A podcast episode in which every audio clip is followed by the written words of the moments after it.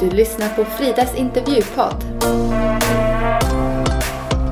Spännande människor berättar.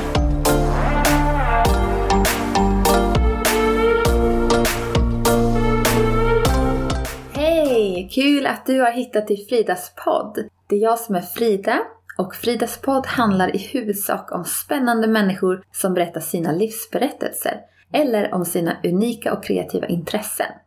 Varje avsnitt är cirka 30 minuter långt och det här är det allra kortaste avsnittet. Det här är avsnittet om min podds livsberättelse.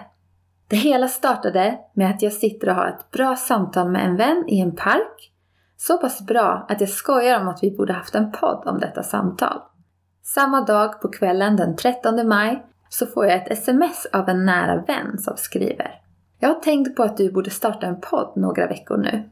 Utan Rebecka Ekeby, min fina vän, hade denna ovetande ström inte blivit av. Jag vill även passa på att tacka min 14-åriga kusin Ruben Wiklund för denna fantastiska jingel som han har fixat till mig.